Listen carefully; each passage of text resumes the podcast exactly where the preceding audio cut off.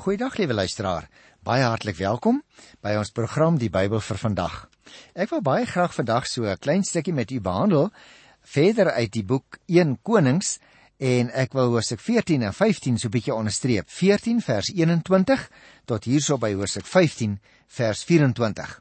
Jy sal onthou ek het begin om vir jou so 'n bietjie te vertel van die twee konings Rehabeam in die suide op die troon in Jerusalem, die koninkryk van Juda en Jerobeam in die noorde uh op die troon van die noordryk wat dan genoem word Israel. En daarom wil ek voordat ons uh afstap sommer daarvan want ons gaan nou meer in detail gesels in die volgende programme oor wat in die noord en in die suidryk afsonderlik gebeur het, wil ek net 'n bietjie uh, weer eens vir jou hieroor 'n oorsig gee want dit is baie belangrik dat ons die breë lyne in die geskiedenis altyd so 'n bietjie beter sal verstaan. Onthou nou, in die noordryk, dit wil sê Israel, het die eerste koning Jerobeam reeds twee heiligdomme opgerig waarin die goue kalverbeelde mettertyd as gode vereer is. Die afvalligheid is deur die een koning na ander voortgesit, ongelukkig. Onder koning Agab byvoorbeeld later in die geskiedenis bereik dit 'n hoogtepunt met die invoering van die Baal-kultus met sy priesters en sy profete wat daar uit Tyrus gekom het. Verskeie profete gaan nou later in die geskiedenis optree om hierdie verskillende konings tereg te wys, maar ongelukkig met min welslae. Die profetiese aksie bereik sy hoogtepunt in Elia tydens Agab se bewind. En ten spyte van Elia se verstommende welslaa, verander die konings nie hulle gesindheid nie. Onder die volk ontstaan daar egter geleidelik groepe wat die afgoderry begin teenstaan en die verbondseise soos deur Moses oorgelewer is baie nougeset gevolg het. Terselfdertyd in die suidryk, dit wil sê Juda, waar Jerusalem nou natuurlik die uh, hoofstad was, is daar wisselende trou aan die Here. Die belangrikste stabiliserende faktor in die suide was die belofte van die Here aan Dawid dat hy, soos wat die Here hom beloof het, vir altyd een uit sy nageslag op die troon sou laat sit. Daaraan was tog wel 'n baie duidelike voorwaarde gekoppel, naamlik dat sy opvolgers soos Dawid sou wees. Daarom het die profete konings aan die voorbeeld van Dawid gemeet. Dien hulle die Here soos Dawid? Bestry hulle afgodery soos Dawid, versorg hulle die tempel en die tempelkultus soos Dawid, en dan, na die mate waarin hulle dit gedoen het, was daar sukses en vrede in Juda. Die grootse tempel wat Salomo gebou het, was die simbool van God se teenwoordigheid onder sy volk in die suide. Pleks dat dit hulle tot gehoorsaamheid aan die Here herinner het, het hulle dit gebruik om die Here te probeer manipuleer. Die Here word as dit ware in die tempel toegesluit. Nou natuurlik luisteraars, geen een van die twee koninkryke het hulle verantwoordelikhede nagekom nie. Daarom het hulle ook die voorregte verbeur mettertyd. En tog, tog het die Here nie dadelik sy voorregte onttrek nie. Oorlog, opstand, paleisrevolusies, armoede en uitbuiting het van tyd tot tyd sy kop uitgesteek en dit wou juis die mense waarsku dat die skrif aan die muur is. Al het die Here van tyd tot tyd pla en profete gestuur, het dit nogtans nooit 'n blywende indruk op die gelowiges gehad nie. En is dit duidelik dat al twee die ryke op pad was na selfvernietiging. En daarom wil ek vandag hier van die 14de hoofstuk af so 'n paar belangrike aantekeninge maak want hier het ons eintlik die beginjare van die suidryk. En onthou nou, daar is Rehabiam op die troon. Kom ons begin dan dadelik by die 14de hoofstuk en ek gee vir jou eers 'n oorsig daarvan hier by die 21ste vers want ek het laas by vers 20 opgehou in die vorige program en daarom tel ek die verhaal by 1 Konings hoofstuk 14 by vers 21 op. En Hier in vers 21 tot 24 sal jy in die Afrikaanse teks sien, het ons die beoordeling van hierdie koning Rehabiam se koningskap. Ons vind ook hier die eerste volledige inleidingsformule by die beskrywing van 'n koning se regering. Dit word aangevul interessant deur die verwysing na die verkiesing van Jerusalem. Interessant ook dat Juda en nie die koning nie krities geoordeel word in die 22ste vers. Met ander woorde, die Here kyk nie net na die koning nie. Hy kyk ook na die onderdane. Net soos Israel in vers 15 wat ons die vorige keer in die laaste program behandel het, staan ook Juda onder God se oordeel. Manlike tempelprostituie het byvoorbeeld voorgekom. Hierdie tempelprostituie het natuurlik deelgeneem aan die vrugbaarheidsrites by die verskillende tempels. Juda word ook in hierdie verse verwyd dat hulle dieselfde afskuwelike sondes as die Kanaanitiese volke wat deur die Here uit die land verdryf is, gedoen het. Maar kom ons lees dit hier by vers 21 tot 24. Rahabiam, die seun van Salomo wat intussen koning van Juda.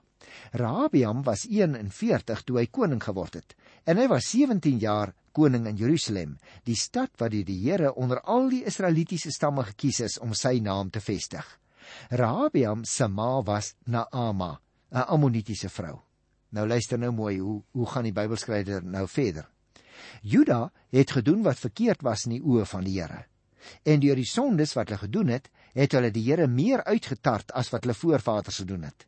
Hulle het vir hulle hoogtes gebou en klippilare en gewyde pilare opgerig op elke hoë heuwel en onder elke groen boom. Daar was selfs manlike tempelprostituie in die land. Die hele Juda het dieselfde afskuwelike sondes gedoen as die nasies wat deur die Here verdryf is om vir die Israeliete plek te maak. Mens sien dus dadelik hier in koning Rabiam, koning in die suidryk in Jerusalem op die troon, hy is eintlik die persoon na wie die vinger gewys word, maar ook die gelowiges het nie die Here gedien nie. Dan kry ons van vers 25 tot by vers 28 die verhaal van 'n Egiptiese inval. Kom ons lees so 'n stukkie daarvan. In die 5de jaar van Rabiam se regering het koning Sisak van Egipte teen Jerusalem opgetrek. Hy het beslag gelê op die skatte in die huis van die Here en die paleis. Hy het alles weggevat, ook die goue skilde wat Salomo laat maak het. Koning Rahabiam het toe bronsskilde in die plek daarvan laat maak en die oorhandig aan die offisiere van sy wag wat by die ingang van die paleis diens gedoen het. Elke keer wanneer die koning na die huis van die Here toe gegaan het, het die wag die skilde gedra en daarna het hulle die skilde teruggebring na die wagte se kamer toe.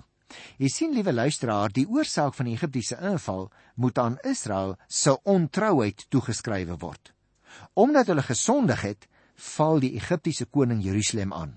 En hierdie voorval, tussen hakies dit moes plaasvind in die jaar 927 voor Christus, is uitgevoer omdat Sisak, dis die koning van Egipteland, wou voordeel trek uit die verswakte posisie van Israel en Juda. Net want hulle het met mekaar verskil, daar was opstande en toe het die Egiptiese koning sy kans gesien om Jerusalem aan te val.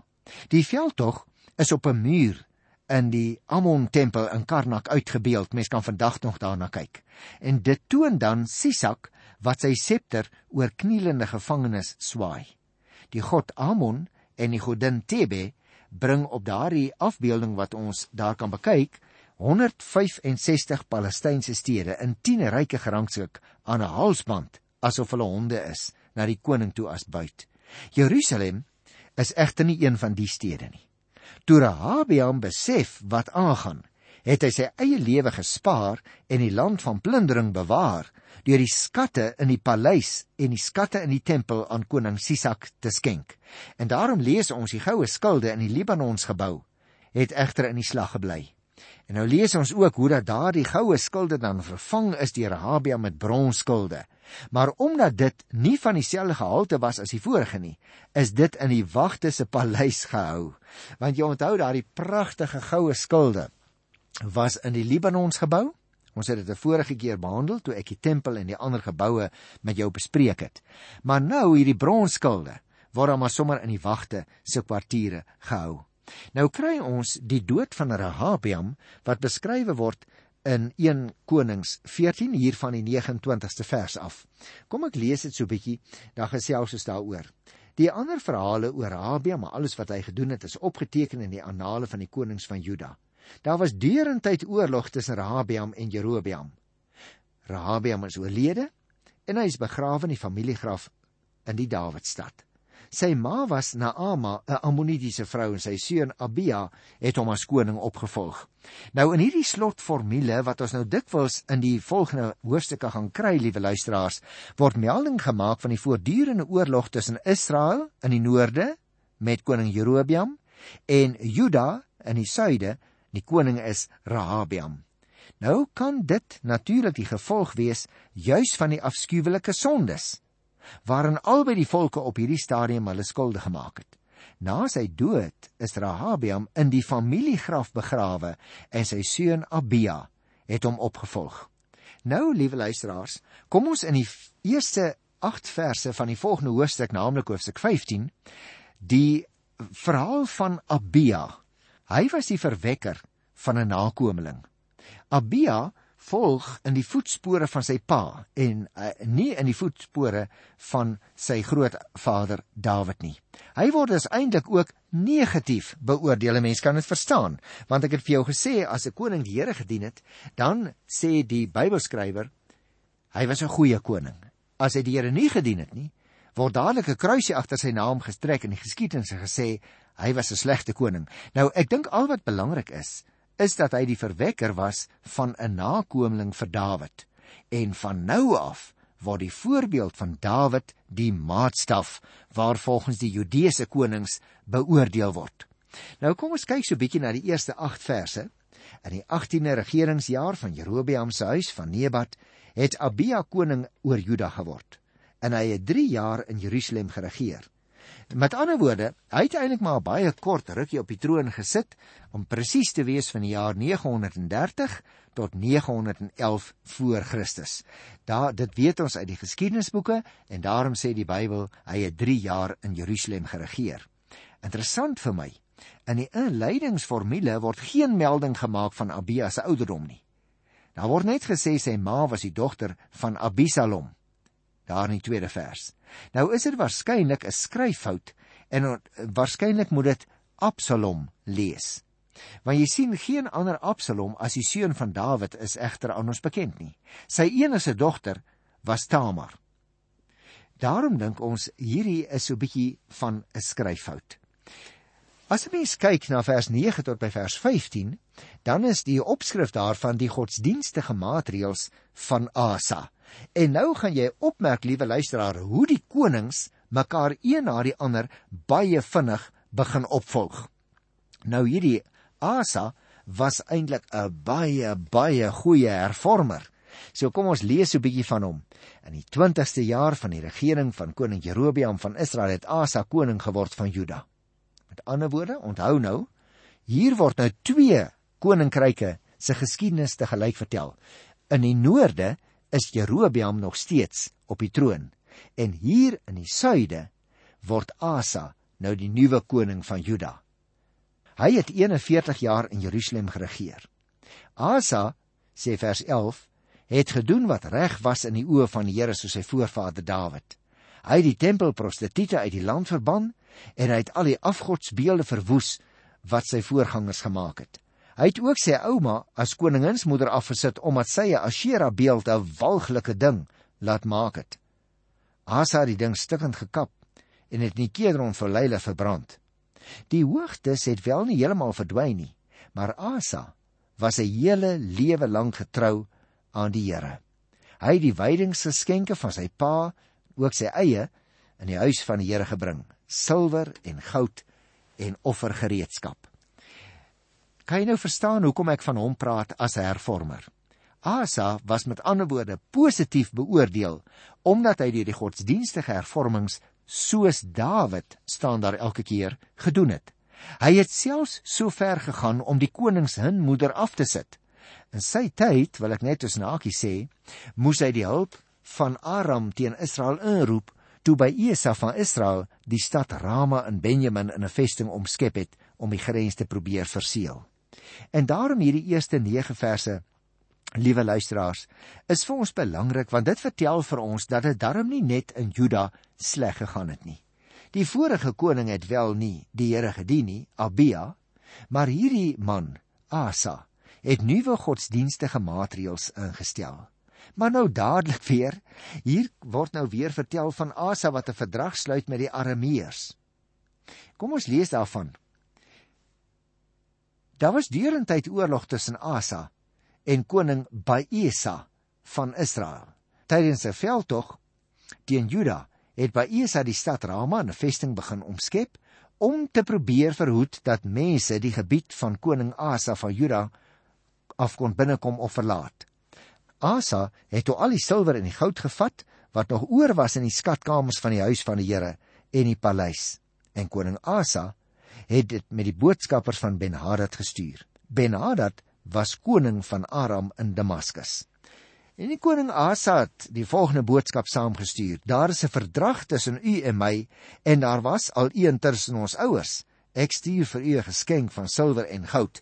Nou kry ons hier 'n baie interessante verhaal want jy sien by Esa, die koning van Israel, het Rama in 'n vesting omskep. Ons moet nou onthou, as jy op die kaart kyk, sal jy dit sien. Rama was, sou ek sê, so ongeveer 10 km aan die noorde kant van Jerusalem in die gebied van Benjamin geleë. Dit was 'n baie strategiese plek en daarom by Esa wou dit as 'n militêre vesting gebruik om Juda te begin afpers wat na die suide lê. Ons het gelees Asa interpreteer hierdie hele optrede as 'n dreigement, maar hy besef met eens sy militêre swakheid. En daarom gebruik hy toe die silwer en die goud van die tempel en die paleis as 'n omkoopgeskenk aan Ben-Hadad, die koning van die Arameërs. Hy probeer hom oortuig om die bestaande ooreenkomste tussen hom en Baesa te breek en met Asa 'n verdrag te sluit. Ben-Hadad neem natuurlik genoeg met die voorstel en hy eien homself die reg toe om 'n hele klompie van die stede in die noorde van Israel vir homself te verower. Dan wat hier genoem word in die 20ste vers, was die mees noordelike stad en 'n baie belangrike kultusplek. Genesaret, waarvan ons ook hier in die 20ste vers lees, het oor goeie landbougrond beskik. En Naftali aan die ander kant was ekonomies belangrik omdat die handelsroetes tussen Tyrus en Sidon daardeur geloop het. Daarom kan 'n mens ver, verstaan, liewe luisteraars, waarom hierdie gebied wat amper in die sentrale naaltjie gebied van die land lê, so belangrik is. Maar nou vertel die 21ste vers vir ons en dit is vir ons baie belangrike inligting. Toe by Esa dit hoor, het hy die bouwerk by Rama gestaak en in Tirsa gaan woon. Mes besef natuurlik nê, want hy besef Israel is nou militêr verswak en daarom vlug hy onmiddellik na Tirsa toe. Luister na die 22ste vers. Koning Asa het al die Judeërs opgeroep. Hy het niemand verskoon nie en hulle die klip en die hout wat by Esa vir die bouwerke rame gebruik het weggedra. Die koning het dit gebruik vir bouwerk by Geba in Benjamin en by Mispa.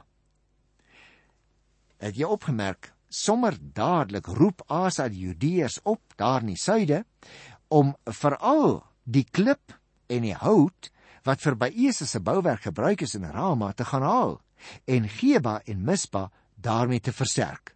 Geba tussen hakies was in die provinsie wat ons vandag 'n provinsie sou noem, in die provinsie Benjamin geleë. En dit het die noordgrens van Juda gevorm. Mispa was natuurlik nou baie belangrik juis omdat dit op die hoë weg van Jerusalem na die noord toe geleë was. En dan by hierdie laaste twee versies wil ek ophou vers 23 en 24. Luister na vers 23.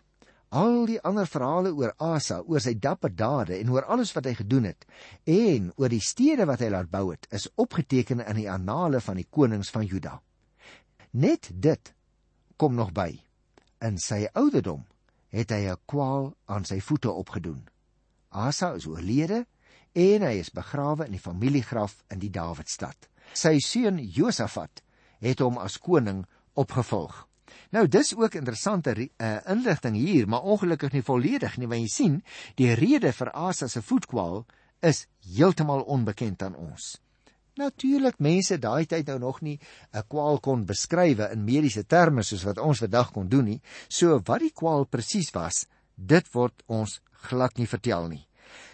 Maar wat wel interessant is, volgens 2 Kronieke 16 vers 12, het hy die dokters meer vertrou as die Here. Dit kan ook wees dat die skrywer van Konings die siekte as 'n straf vir sy sluwe optrede teen Baesa beskou het. Ek dink dit leer vir jou en vir my ook 'n baie belangrike les, liewe luisteraars. Want die Here gee natuurlik die dokters. Hulle is instrumente in die Here se hand om ook vir jou en vir my as Christus gelowiges tot voordeel te wees. Maar dit is nie die dokters wat die oplossings het nie. Dit is nie die dokters wat finaal kan genees nie.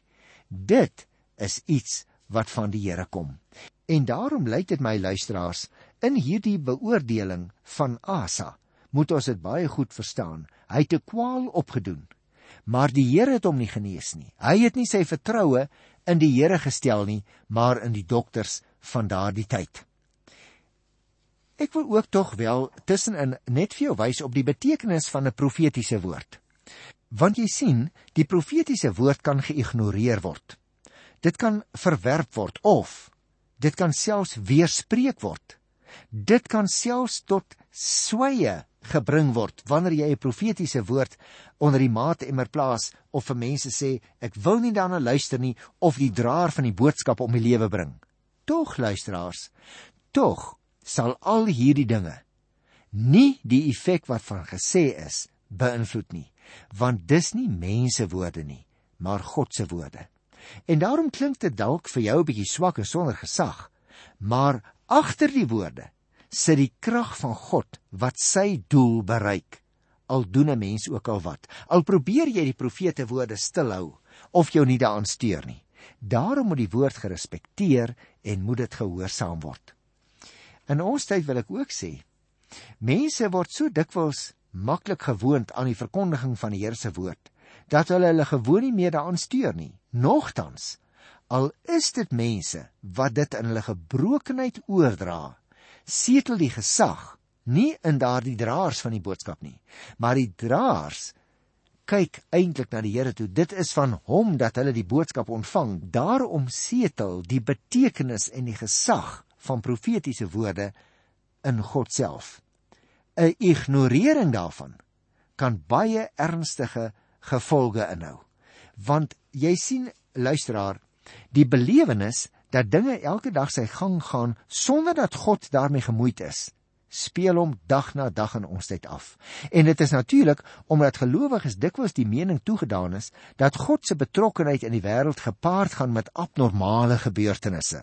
Dis nie waar nie. Dit maak net gelowiges dikwels angstig en bekommerd. Die gewone gang van sake, luisteraars, is die normale manier waarop die Here optree. Hy werk deur gewone mense soos jy en ek. En hy werk ook deur alledaagse gebeurtenisse. Die gelowiges kan gerus wees dat God direk betrokke is by die geskiedenis en hom nie deur menslike intriges uit die pad laat stoot nie. Dit is vandag nog vir ons so. Al lyk dit soms as jy so oppervlakkig met die oog kyk asof die Here onbetrokke is. Nee, hy is betrokke. Hy hou die draai van die aarde om sy eie as in 24 uur in sy hand. Hy hou ook die loop van die geskiedenis in sy hand. En daarom wil ek vir jou 'n vraag vra. Is die stukkie lewe wat jy het, is die stukkie geskiedenis wat jy e-, eintlik self besig is om te skrywe, is dit 'n stukkie wat vertel van die grootheid van die Here in jou lewe? Of draai jou geskiedenis eintlik maar net om jouself? Dink 'n bietjie daaroor. Verootmoedig jou voor die Here. En as soos die Here wil, praat ons volgende keer verder met mekaar oor hierdie belangrike sake. Tot volgende keer groet ek jou in die naam van ons koning. Tot dan. Totsiens.